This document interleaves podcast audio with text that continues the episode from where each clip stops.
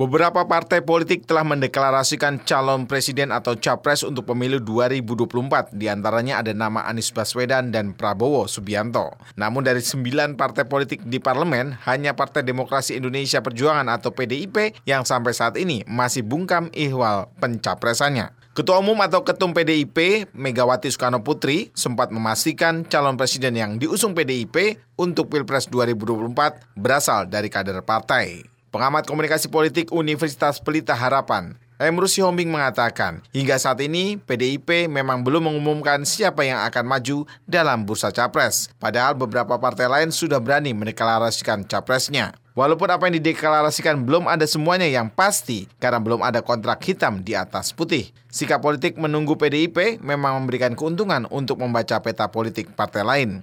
Namun harapannya apa yang akan diusung nanti berbasis perjuangan partai bukan berdasar elektabilitas semata-mata. Memang nama-nama tersebut adalah yang mengemuka di ruang publik. Tetapi sampai saat ini kita melihat bahwa secara normatif atau secara organisatoris Partai PD Perjuangan belum mensounding siapa yang menjadi calon yang diusung oleh PD Perjuangan. Sementara partai lain hampir dipastikan misalnya Gerindra adalah Prabowo dan kemudian yang pasti lagi adalah Nasdem membawa Anies Baswedan. Nah, bagaimana dengan PD Perjuangan? Saya melihat ada dua sosok yang diperbincangkan di ruang publik, yaitu Puan Maharani dan Ganjar Pranowo. Dan sampai sekarang belum diumumkan. Dari aspek kepentingan politik Partai PD Perjuangan, ini adalah positif, sehingga mereka bisa mengajukan salah satu kandidat dari PD Perjuangan. Boleh jadi dari dua sosok ini tentu akan sangat tergantung kepada dinamika politik tidak dari partai lain yang mengusung siapa. Misalnya, kalau cukup kursi mengusung Anies, maka boleh jadi yang diajukan dari PD Perjuangan adalah Ganjar Pranowo. Karena ini adalah pertandingan yang sangat menarik untuk kita amati. Karena memang kita melihat bahwa ketika Pilkada DKI Jakarta, Anies adalah sosok yang diusung oleh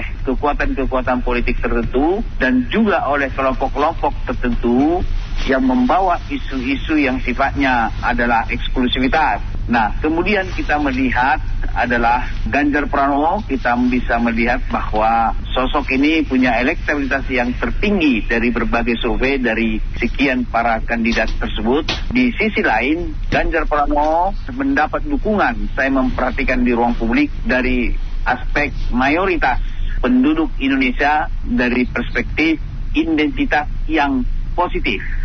Nah, jadi oleh karena itu, maka pertarungan dua sosok ini nanti kalau ini jadi, saya kira lebih cenderung bisa dimenangkan oleh Ganjar Pranowo. Tetapi kalau misalnya Anies tidak jadi maju, karena memang boleh jadi jumlah kursi, karena sampai sekarang belum ada suatu kesepakatan yang tertulis antara PKS, Demokrat, dan Nasdem bahwa akan mengusung Anies. Nah, kalau Anies Baswedan tidak jadi maju, saya berhipotesa kemungkinan besar uh, terbuka lebar bahwa Puan Maharani akan diusung oleh PD Perjuangan. Maka bahwa PD Perjuangan belum mendefinitif menyampaikan yang akan diusung, saya kira sangat tergantung kepada dinamika politik dan tidak memberitahu atau belum mengumumkan sampai saat ini sangat baik bagi PD Perjuangan.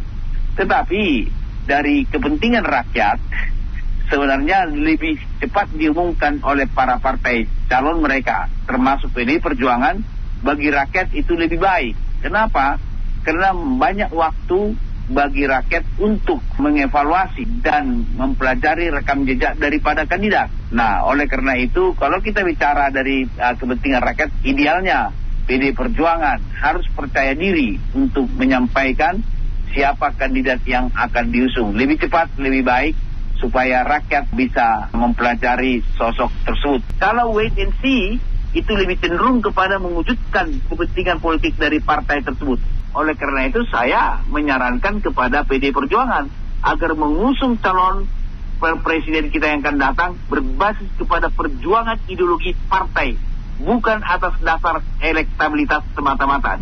Sementara pengamat politik Yusuf Suroso mengatakan semakin banyak kandidat yang akan menjadi capres bagus-bagus saja, sekaligus menandakan dinamika demokrasi bangsa yang semakin baik. Keberadaan empat poros yang ada jelang pemilu 2024 menarik untuk dibicarakan. Memang beberapa poros koalisi sempat menyebutkan calonnya, namun belum ada yang fix dalam pencapresan tersebut sampai saat ini. Walaupun PDIP hingga saat ini belum diketahui siapa yang dicalonkan, namun sudah mempunyai kriteria tersendiri. Harapannya yang dicalonkan nanti bisa lebih baik dari sekarang. Semakin banyak kandidat atau nama-nama yang sebut bakal menjadi capres ya, itu bagus-bagus saja artinya dinamika demokrasi kita semakin berkembang ya. Dan partai-partai nampaknya ini koalisi kita ini ada empat ya kalau salah ya.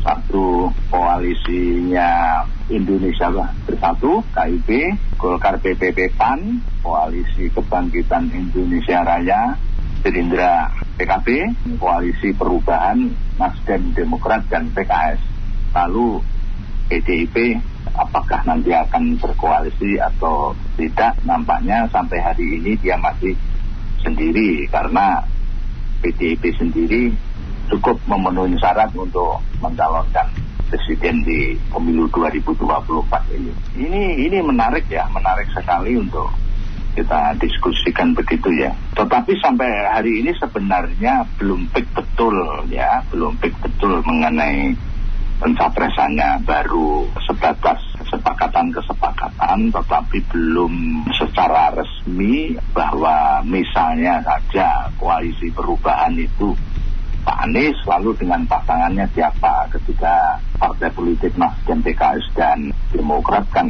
sekarang ya sedang berproses lah kira-kira begitu. Sementara uh, koalisi Indonesia Bersatu Golkar TPP dan PAN meskipun dia sudah membangun koalisi itu juga beberapa bulan yang lalu tapi sampai hari ini dia juga belum mewacanakan siapa presiden yang akan dimajukan berikut wakil presidennya dalam pemilu 2024. Yang menarik lagi justru koalisi Indonesia Raya, eh, Gerindra dan PKB, dia sudah memastikan seturut dengan keputusan Gerindra bahwa calon yang dimajukan adalah Pak Prabowo Subianto. Tetapi sampai hari ini juga belum putus, mungkin masih dalam proses, mungkin masih dalam proses tawar-menawar atau apa istilahnya di internal anggota koalisi itu tentang wapresnya. Kemudian PDIP, PDIP ini jadi menarik ya menariknya sampai hari ini dia tetap sabar, tidak gerusa-gerusu seperti yang dikatakan Presiden Jokowi bahwa dia menghargai karena PBI ternyata tidak mudah tergoda oleh buru-buru menyampaikan calon presidennya begitu ya. Tetapi PDIP memang punya parameter sendiri, punya kriteria atau kisi-kisi siapa presiden yang akan dia calonkan yang akan datang. Yang pertama dia dari internal PDIP sendiri. Lalu memiliki ideologi yang kuat yaitu Pancasila.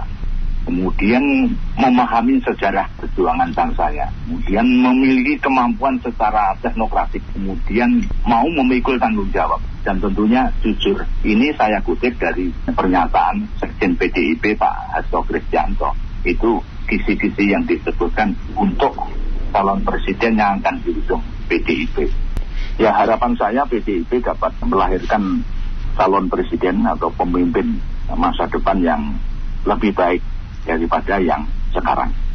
Sehingga mereka dapat merampungkan tugas-tugas konstitusionalnya dan menyelesaikan tugas-tugas presiden pendahulunya yang mungkin sampai 2024 nanti belum terselesaikan. Sehingga kita akan merasakan adanya kesinambungan dalam pembangunan di Republik ini. Emru Siombing dan Yusuf Suroso sama-sama melihat bursa capres memang semakin santer bergema. Kendati begitu, hingga saat ini belum ada yang benar-benar pasti untuk dicalonkan dari empat poros yang kelihatannya akan bertarung dengan capresnya masing-masing. Apalagi PDIP terlihat tidak terburu-buru dalam menentukan siapa yang akan diusungnya. Pastinya siapa pun yang akan diusung jadi capres harus lebih baik dari saat ini. Demikian rangkuman diskusi interaktif saya Yudianto Budiman.